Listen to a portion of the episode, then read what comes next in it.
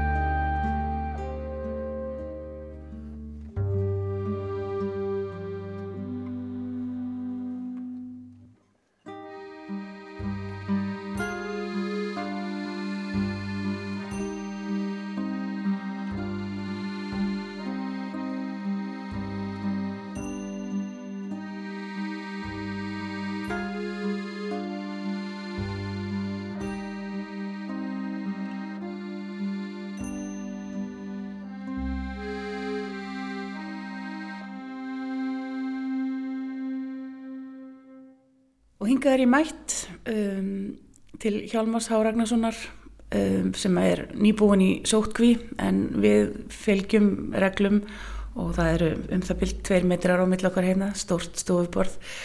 Hjálmar, það sem var, var nú eiginlega kveikjana þessari heimsók voru svona hugleiðingar þínar sem að las á Facebook, nú les maður voða mikið á Facebook og það var svona um tilurð tónverka, nú ertu nýbúið með verk, partítu fyrir einlegsfýðlu og hún er ekki umneitt um, og það er þessar hugleðingar um hvað tónverk eru.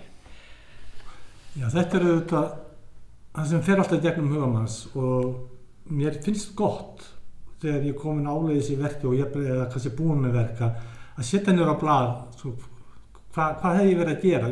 Hva, hva, hvað er þetta allt saman? Og, og það fer auðvitað svolítið sem að fyrir gera svona ákveðna fasa sem tón, tón, tónskaldu eða listamæður og, og hérna. Og í þessari einsend sem að þetta starfi er eins og starf tónskálsins eða rítöfundarins þá er mjög gott að setja niður fyrir sér hvað ég verið að gera hver, hver, hvert er ég að stefna á. Og það hefur sótt mjög mikið á mig undanfarið og undanfarið misseri þetta að að maður getur bara búið til eitthvað sem hefur ekki svona merkimiða hefur ekki svona merkingu í allir þessari umrótu félagslegu umræðu og, og öllu þessu sem að er alltaf að sækja á mann, það er allir hlutir komnir, sko þú mátt ekki gera, þá þýðir það eitthvað. Það er lítið pláss fyrir bullið eða, eða, eða það sem maður bara er ekki að gera neitt fyrir stifti er allt hefur eitthvað svona einhverja merkingu. Ef þú ert að gleyðjast og á góðri stund þá er það talið vera gott fyrir þig, fyrir geðheilsuna. Er ekki bara fengt að gleyðjast og hafa það skemmtileg bara að því bara? Eða þá að, að það, maður fyrir kannski að skýðum upp á fjöll og, og, og þá er settur á það sá merkjum mér, þetta er holdt og gott fyrir heilsuna og, og gott fyrir uh, að byggja upp ónæmiskerfið og allt þetta ah, gif mér að breyk sko. getur maður ekki bara farið á skýði til að njóta þess og enga ástæðu og það er sama í tónlistina og listinu, það er allt sem flæðir yfir okkur, það hefur alltaf einhverja merking og meira og meira þetta er búið að vera að sækjast á, sko, sækja á já, ára og jæfnla áratí að, að hérna að við erum alltaf að kanna sko, hvað býra baki verkinu? Úr hvað kringustæðin kemur verki hver er höfundur, nú er hann svartur eða hvítur, kona og kall og allt þetta? Ef við bara leifa verkunum að tala sjálf? Og ef við bara leifa hérna því listina að, að, að fara sinn veg sem hún vil fara? Og tónlistin hefur hér alltaf betri möguleika flestar aðra greinar vegna þess að við erum bara með hljóð og tóna og slíkt í raun og veru.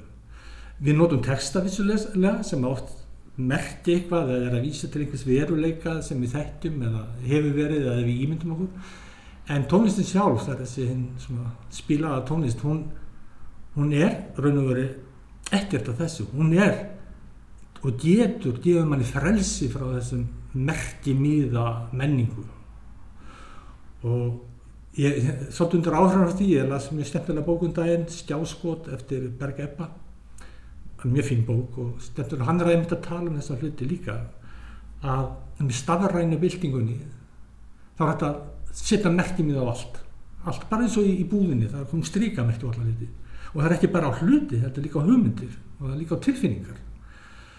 Þannig þetta hefur allt svona strykamerki og þess að ef þú gerir eitthvað eða einhver maður gerir einhver starf út í heimi og þá er það að setja í ákveði samhengi jafnveg, hann veit ekki hver samhengi er sjálfur þá er setja eitthvað í samhengi og það getur orðið einhver rosalega viðbörður, jafnveg heimsfætt sem við komum að hefða aldrei látið sér þetta í hug. Og og listinnar eru orðnar ofurseldar þessu. Við hérna e, e, því lík sko neysla á tónlist og í mín, mínum huga allt og allt og mikið alltaf með einhverja merkinga á sér og þess vegna er svo frelsandi bara að spila eða hlusta eða talningum að semja músík sem hefur þetta ekki neitt sem ekki hægt að merkja. Og ég tek baksen dæmi. Í þetta einmitt að þú nefndir hennar pistila að Bach er einmitt kannski það það tónskáld eða sem er, er ekkert svona sérstaklega merkileg tónskáld sko, sem persóna, er ekkert spennandi hann. Dó ekki úr síflís og ekki neitt sko, hann bara var hann myndi samur eiginmaður með elluðu börnu eða hvað nú var og spila orgel og, og svona kannski ekkert spennandi karakter í en hann býr til þess að dásamlega tónlist. Hún er annarkoð trúaleg og þá hefur hún það vissulega texta og slíkt og svona, svona upphafinn og, og göfum og svo er alltaf það miklu hljóðfæra músík sem hefur ekkert af þessu hvort í, í svona textatilvísenir eða neitt. Og það er ekki síst þessi tónlist, ég getur eitthvað cello svítunarnas baks eða og tala ekki um fyrlu sólóðunans bæði partiðunar og sónutunar þetta eru verk sem eru alveg guðdóla falleg og velskrifuð og inspirerandi en þau merk ekki neitt. Þau hafa engan tilgang. Og það er þetta sem er svo spennandi. Og það er það sem ég var svona, svo mikið að hugsa um því ég var að klára þetta verk sem þú nefndir á hann, partituna óh, hvað þetta er gott, dásamlega þetta verk merkir ekki það þýðir ekki það er engin skilaboð. Það er ekki samið að nefni svona einhverji utanákomandi markaðurinn ekki býðið um þetta. Veist, það er ekki þannig að þú veist bara maður er ekki ofurseldur einhvern svoleiðs öflum og ég bara skriði þessa músík. Og hún verður spiluð. Og mér finnst ég að vera ferrás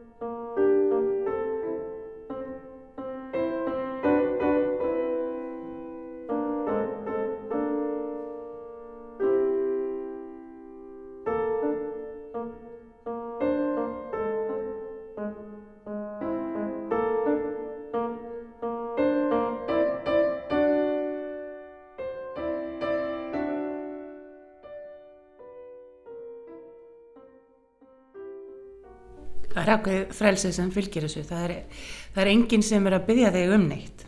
Raun og ekki, reynda að þetta verk var fyrirleikari, Sif, hérna, tólunum sem bað mig um að skrifa fyrir þessi verk sem er svo fallið það maður og mann. En umhverfið eða, eða markaðurinn eða eitthvað slið, nei. Og ég held að fyrir marga listamenn er þetta, þetta hættusæði, þetta er líka draumi listamannsins að því að alla listamenn vangla til að vera frálsir hvað þetta var en þú fær ekki, oftast fær ekki borga fyrir það mikið og eða kannski ekki neitt. Og, og það er líka svolítið óöryggi. Maður er svolítið hrættur það, það er svolítið skrítið að fara út á þetta svið. Talningin þú ert yngri og þú vilt vera hluta einhvern ströymi og þú kuplar þú út úr honum með því að bara að búa til eitthvað sem er merkingalust og þýringalust og enginn er að byggja um. En það er nákvæmlega þar sem listin talar sterkast. Og eftir sittur þá sköpunarverk sem kemur í raun og veru úr engu þá.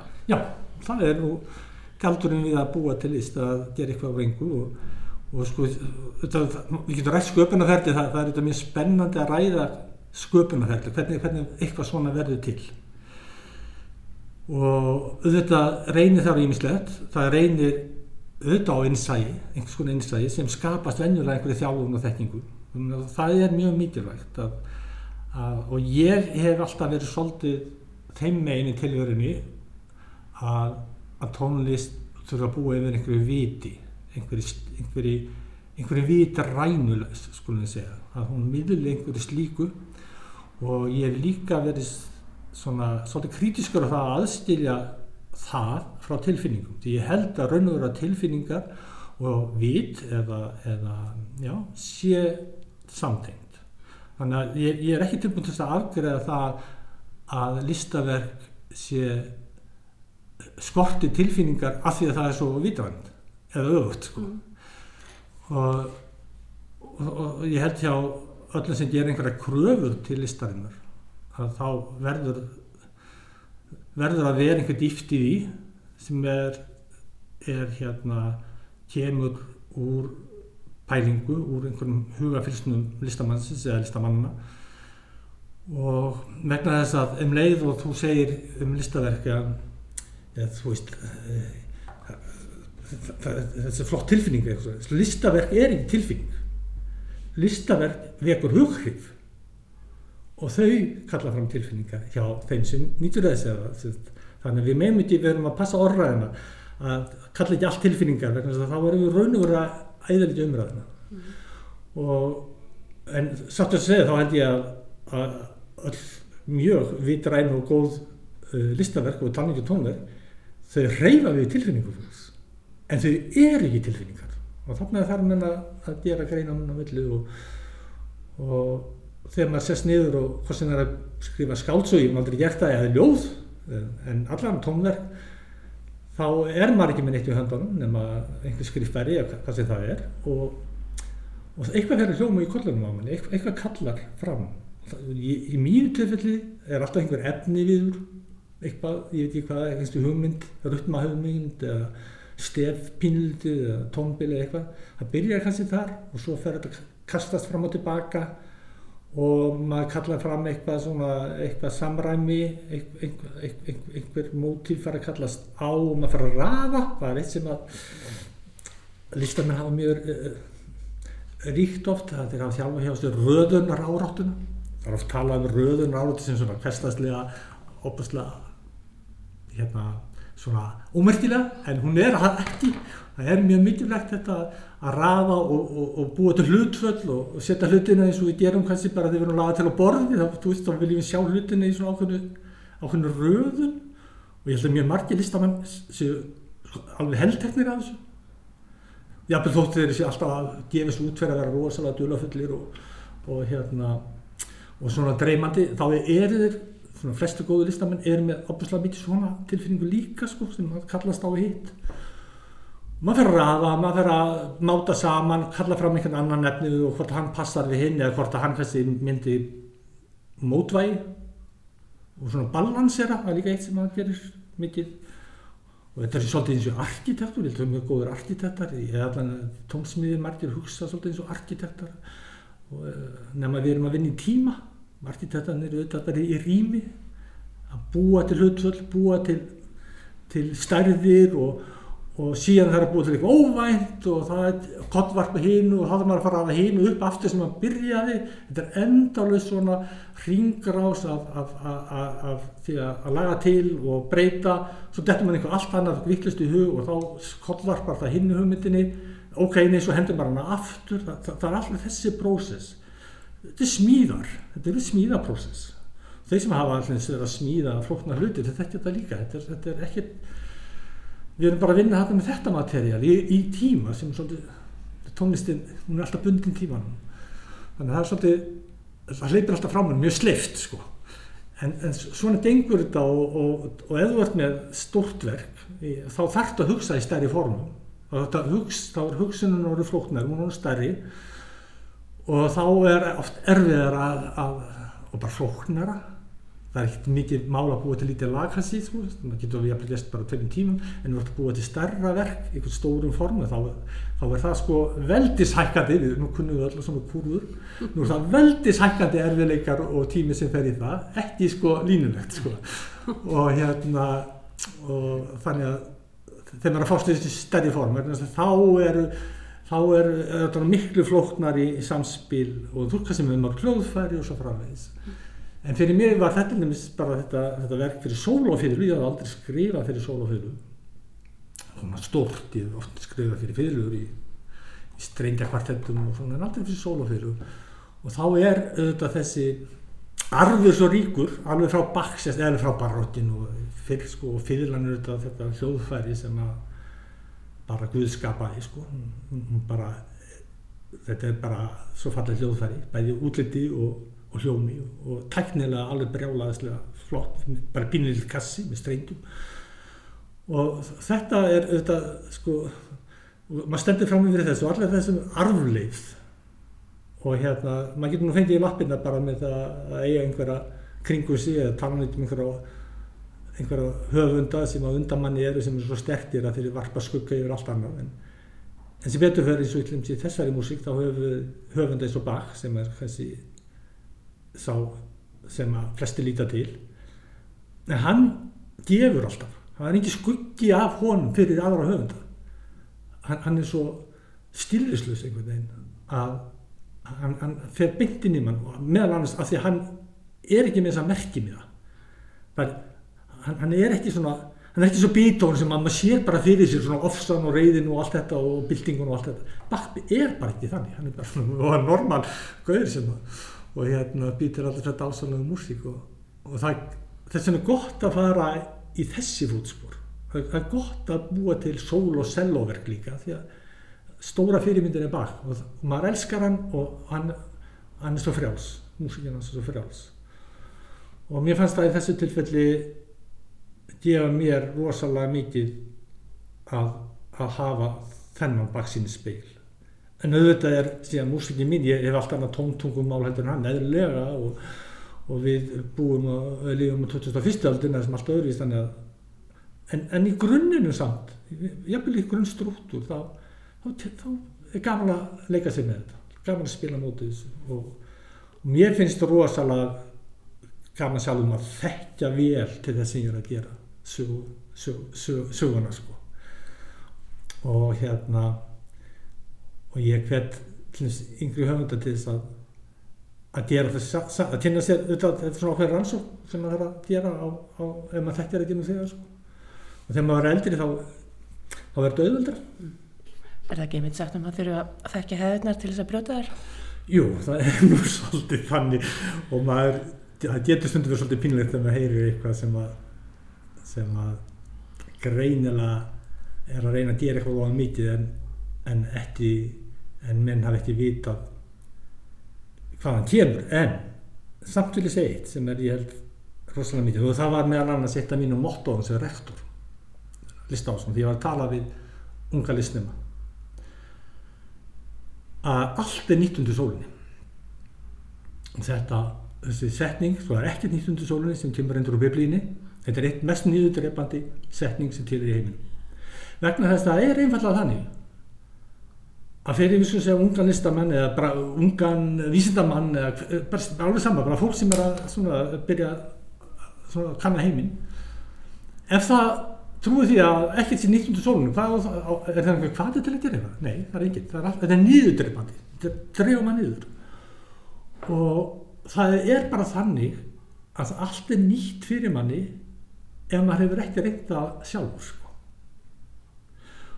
og þess vegna er svo mikilvægt ekki bara í listu bara allstaðar, að maður gangi að verkefnunum þannig að, að þú veist, með fersleika, með spennu með, með forvittnum huga sem rannsakandi. Og ég ætla að höfða þetta.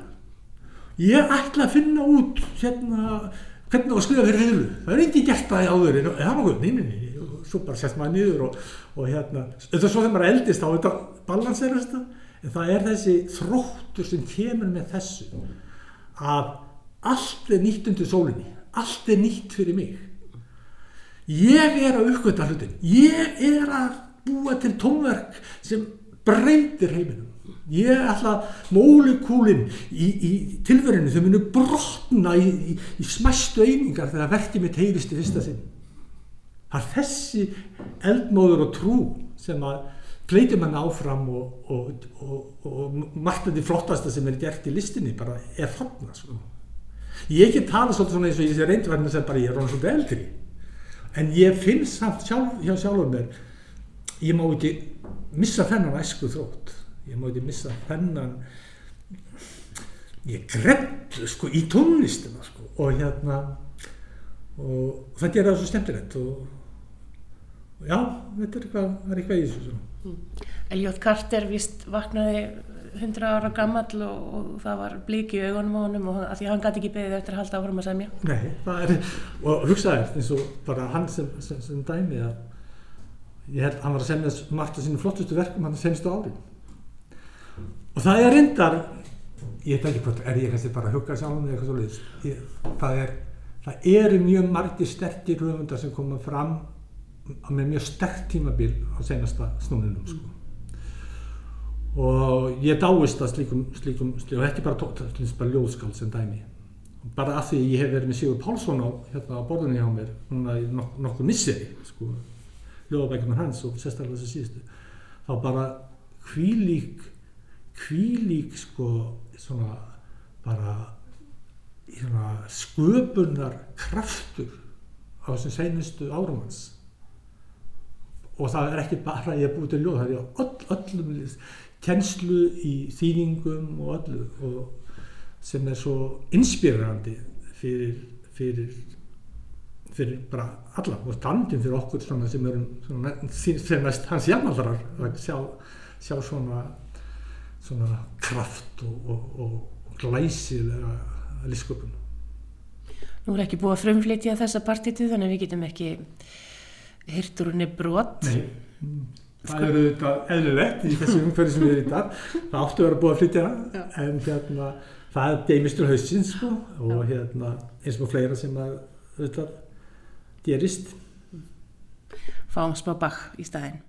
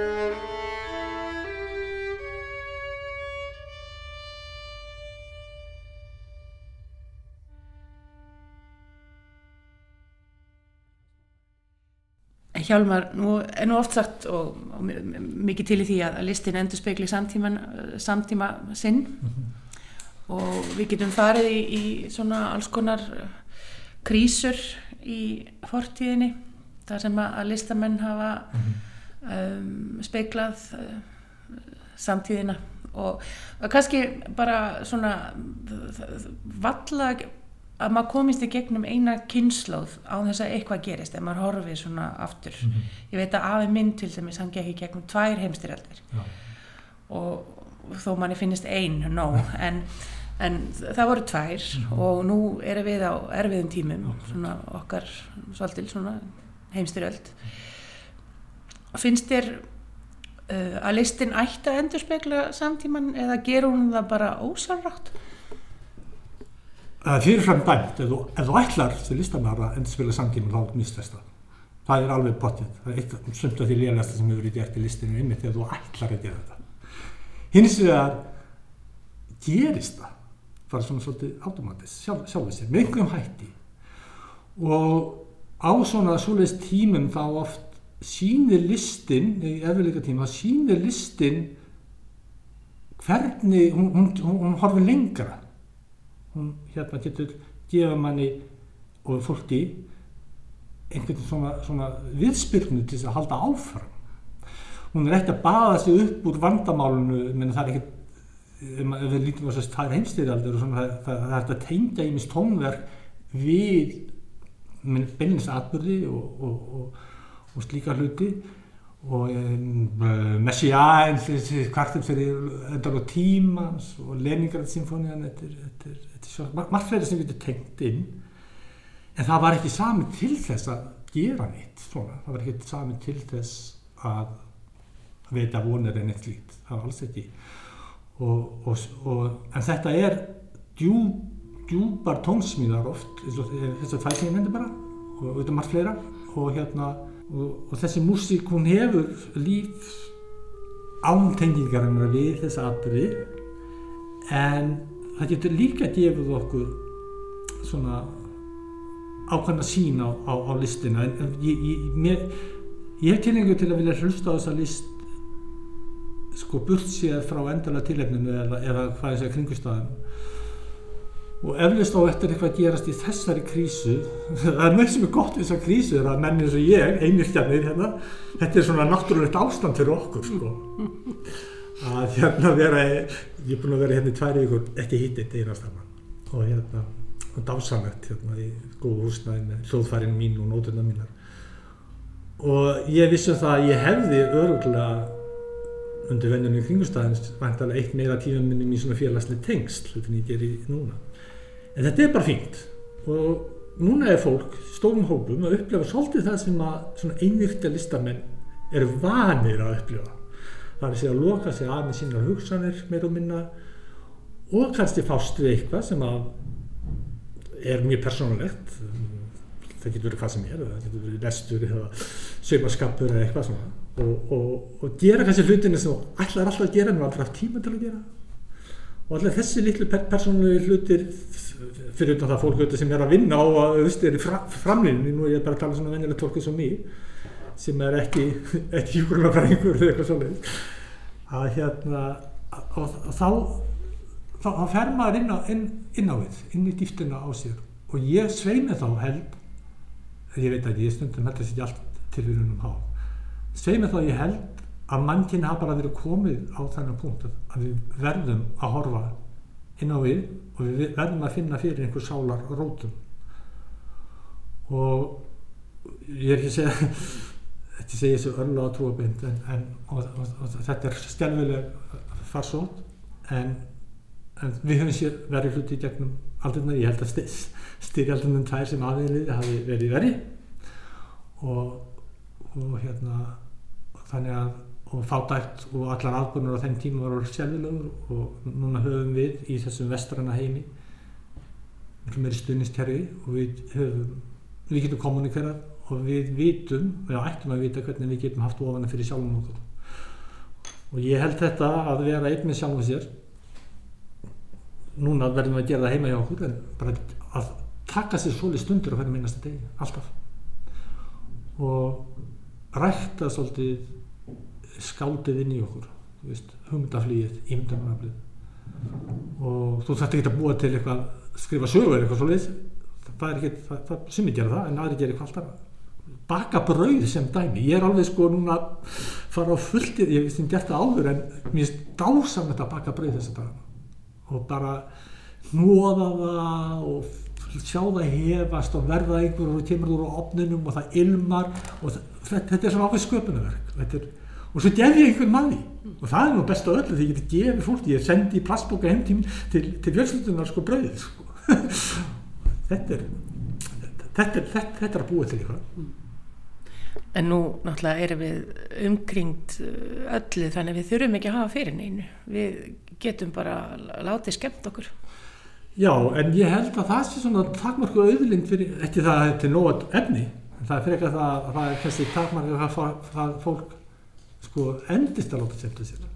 En það er sem betur fyrir til allt þetta efni sem er miðlað og hérna og menn geta notið. Ég er ekki vissum að menn sé að þetta er alla hluti og ég er svona ákvæmna spurningamerkin við margt að þessu dóti sem er sett á neti þetta er mikið eins og allt stókoslega list eða, eða merkilegar afurðir sko.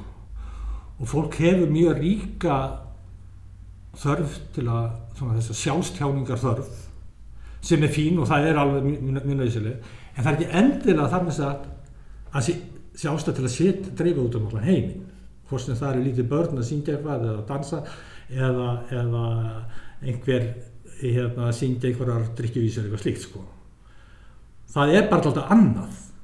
Og hérna það er í talningilistinni eða, eða skálskapnum það er bara rosalega professionalismi sem þarf til að búa til góða hluti. Og við skulum virða það. Og ég held að við ættum einmitt að hlusta eftir því og ég er ekki þannig að segja að fólk geti ekki dreift efni eins og það vil en, en mér nættu aðeins að hugja því hvort að efni sem þeirra búa til e, eigi fyrstalega erindi og standist einhver samanburð við það flotta efni sem við getum fengið á mjög víða mm. þannig að ég er svona spurningamerki við þetta svo líka það sem ég finnst vera kannski líka umherslunumvert og það er meira með praktík að gera praktík að stóru stofnanunar eru auðvitað að gefa átipis fullt af síningum, óperum og tólningum og slíkt og ég held í þessu umhverfi sem ég er nöðsynlegt að við dætum að því að, að þetta er atvinnugrein og listamenn þurfa að lifa og það er kannski fáar stjettir fólks sem að fara eins illa út úr þessu núna eins og listafólk og þeir sem tengjast listum en producenter, ég er ekki að tala bara um listafólki sjálf þetta, allt sem er kringum þetta og hérna og eigum við þá ekki að hugsa okkur til þess að um áður en við gefum alla þá vinnu bara hendinum út úr glukkan handa til þess að fólki líði betur. Og e e eigum við ekki að reyna að skora þá að fólk að að sjá til þess að allan að þeirra upp í staði að listamenn fái eitthvað tilbaka. Og það er núna mjög mikið þörf fyrir listir og það er mjög mikið þörf fyrir listamenn en aldrei hafa við fengið þess lítið fyrir sin snú og þegar maður heyrir umræðinu um hvernig var að bjarga efnæginum í heiminum þá hef ég rosalega ráðgjur af listinni og listamannum að þeir verður út undan út í vegkantinum og fá ekki neitt. Við erum stærstu hluta eru listamenn einirtjar með einhvern einum öðrum hætti. Það er bara lítið brota listamenn sem hafa fastlögin einhverstaðar og og þetta fólk er bara tekjutappið að strax og það verður núna í nokkra mánu en ég held að þetta munir samt rætast flott úr og það verður þessi fyrstu þetta munir geta reysið upp. Er þessi sem að er kannski svolítið meira sjálfstæðir kannski einir eða tveir svona fámenn fá, fámennt í þessi músikinni þessi fáir það eru litli tónikar sem eru opnaði fyrst 50 manna tónikar, 100 manna, 200 manna tónikar það eru stóri viðbjörnir sem hægt að dragast lengur að verður opnað að þessi hægt að, að fara á stóra tónika með tíðusum manns eitthvað svolítið sko og það er þessi bara gott. Ég held að þetta er svakalega gott að líka að við förum back to basics í listinni. Að bara það að vera einn á sviði með fyrirlunarina eða klarinetið og búa til bestu listi heimi það er kjarn og það, í, í svoleiðs kringustafn getur maður ofta orðið fyrir mestu upplifunni það þarf ekkit rosalega sko mikla flætu umbúna hátalararterfi skjávarpa í tugatali til að búa til eitthvað sem hrífum hann. Og þa- það er bara umbúðir þegar upp í staði. Og ofta sterkastu upplöðanir í listan, listinni er einmitt þessar þetta intíma samband listamannsins og áherrandans í, í tónlistinni og sama í rýtlistinni, samband ljóðskálsins og lesandans. Þetta þarf ekkert að vera reynt rosalega flókið. En fólk þarf að geta unni við þetta. Listamenn eiga fjölsöldur og þeir geta klætt börnin sín og, og, og, og, fætt fjölskylduna. Þannig að við skulum virða þetta. Og þegar við erum að nota netið núna og fara í þess að ókippi sjóði sem er þarna, hugsaum með það, allt þetta fólk sem er þarna úti, það er ekki að fá neitt borga fyrir þetta.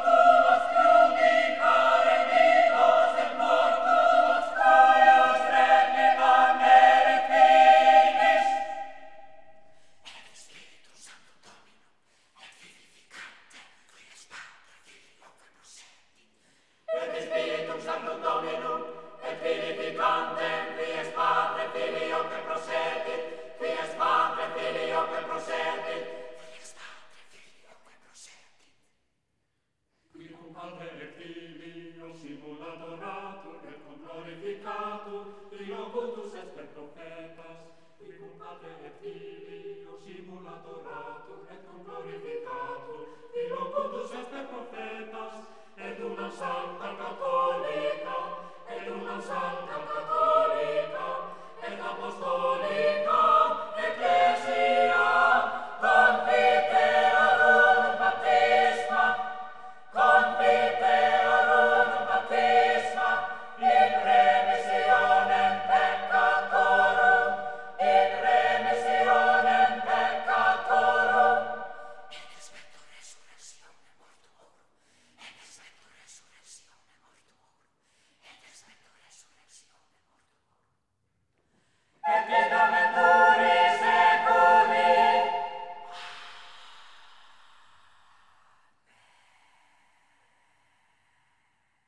En við töluðum hérna áðan eða þú varst að segja það að, um, að leita inn á við og, bara allir hafa gott af því og, og, og eins í tengslum við hann Bach sem að var náttúrulega í starfi við að skrifa trúarlega tónlist og, og svo þegar hann vildi leika sér að þá skrifa hann tónlistum ekki neitt. Nú hefur þú gert bæði og þú ert ekki bara búin að semja eina messu heldur að minnst þú kosti tvær? Já, ég, ég grínast nú stundum með það, sko, ég haf haft, sko, þegar ég var einirti hérna yngri máður, þá hafði ég tekjur af, ég hafði tekjur af leikusum á kirkjunni, sko, og hérna, þannig að ég liði svolítið að því að vinna í leikusunni sem var þetta sakalega stendulegt, en líka kirkjan, og það er nú bara þannig, uh, þetta kirkjan er þetta menningarsofnun, sko, og fyrir mér, einn mesta menningarstofnun sem að bara okkar menningar svo mikið kemur þaðan, hvernig sem við lítum á það. Og við getum á alls konar skoðanir og trúmálum en ég er bara að tala sem, sem stofnun og, og við eigum þennan fjársjóð af visku sem kirkjan og trúarit líðinu alda hafa einhvern veginn búa, eru, þetta er bara, þetta er bara viska og þetta er alls konar stangast á og alls konar þverstaður en, þetta er þetta er, þetta er ómur hundraða þúsunda kynsluða allt saman og það að fara í þennan sjóð og fisk út texta hér og þar það er alveg dásamlega skemmtilegt.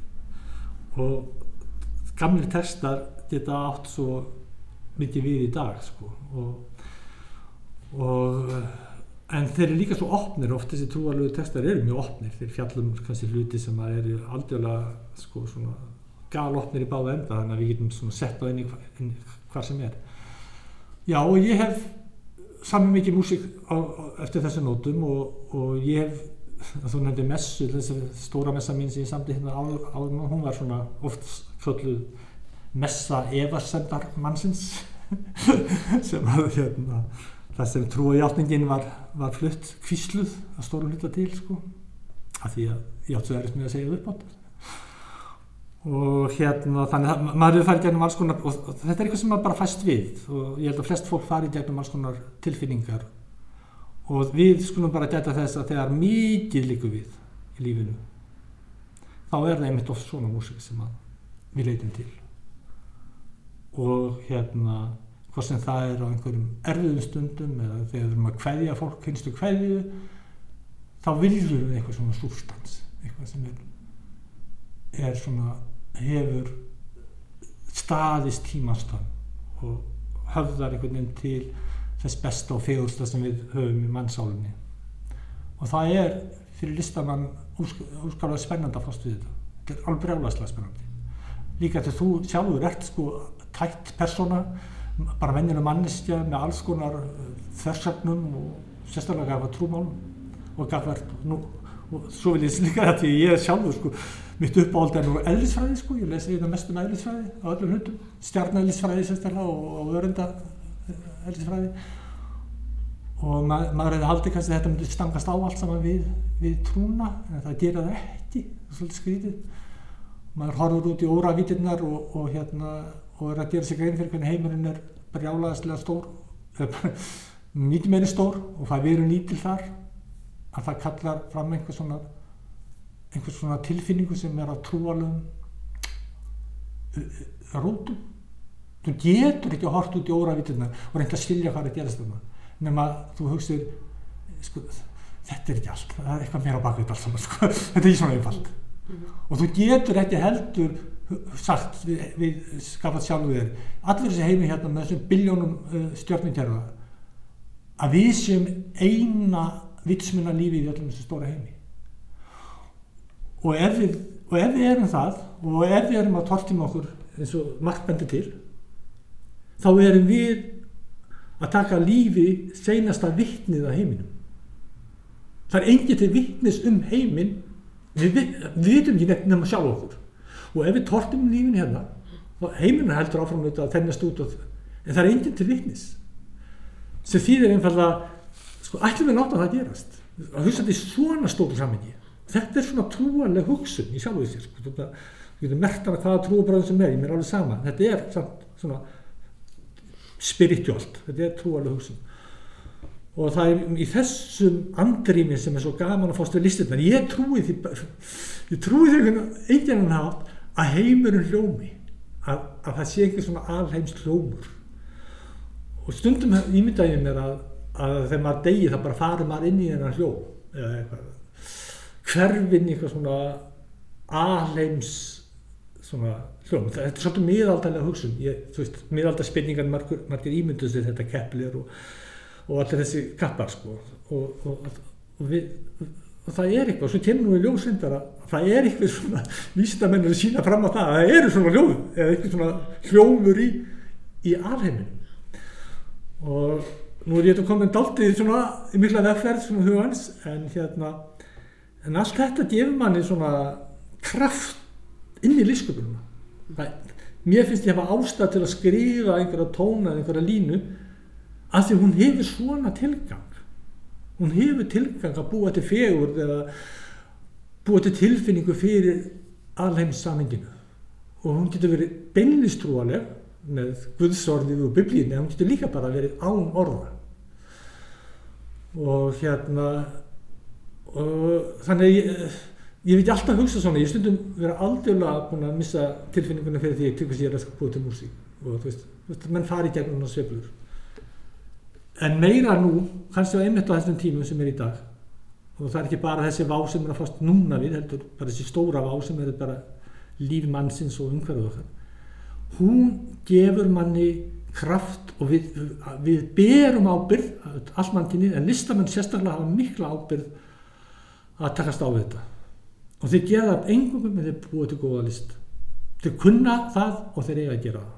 Þannig það er okkar hlutverku ábyrð Hjálmar, við skulum hafa þetta loka orðin í dag. Já, þetta, við erum búin að fljúa með heiminskautum svolítið svona og hérna og svolítið svona, ég vona bara að og trúi því að tónlistin og listin hún, að við tökum hana til okkar og við leiðum hennar að vera svolítið fráls ekki að gefa alltaf merkingu leifinu streyma fyrir hérna lust og við hefum að fýblast, við hefum að átt eins á bjánar, við hefum að bara stökk út í náttúrunni þessi nokkur ástæði til þess og hérna og gleyðast yfir þessu sköpunverki sem við höfum, að við ætlum að varvita og við ætlum að klára dæmið. Já, góður hlustundur, vonandi tökum við þetta öll til okkar á einhvern góðan hátt. Ég þakka Hjálmari Há Ragnarsinni fyrir spjallið. Við endum þetta í dag á Óskarlægi frá tónskaldunum. Hér hljómar Kóral Prelúdian Sláð þú hjartans hörpustrengi eftir Jóhann Sebastian Bach í meðförum Dínu Lípatis. Þanga til næst hafið það sem allra best.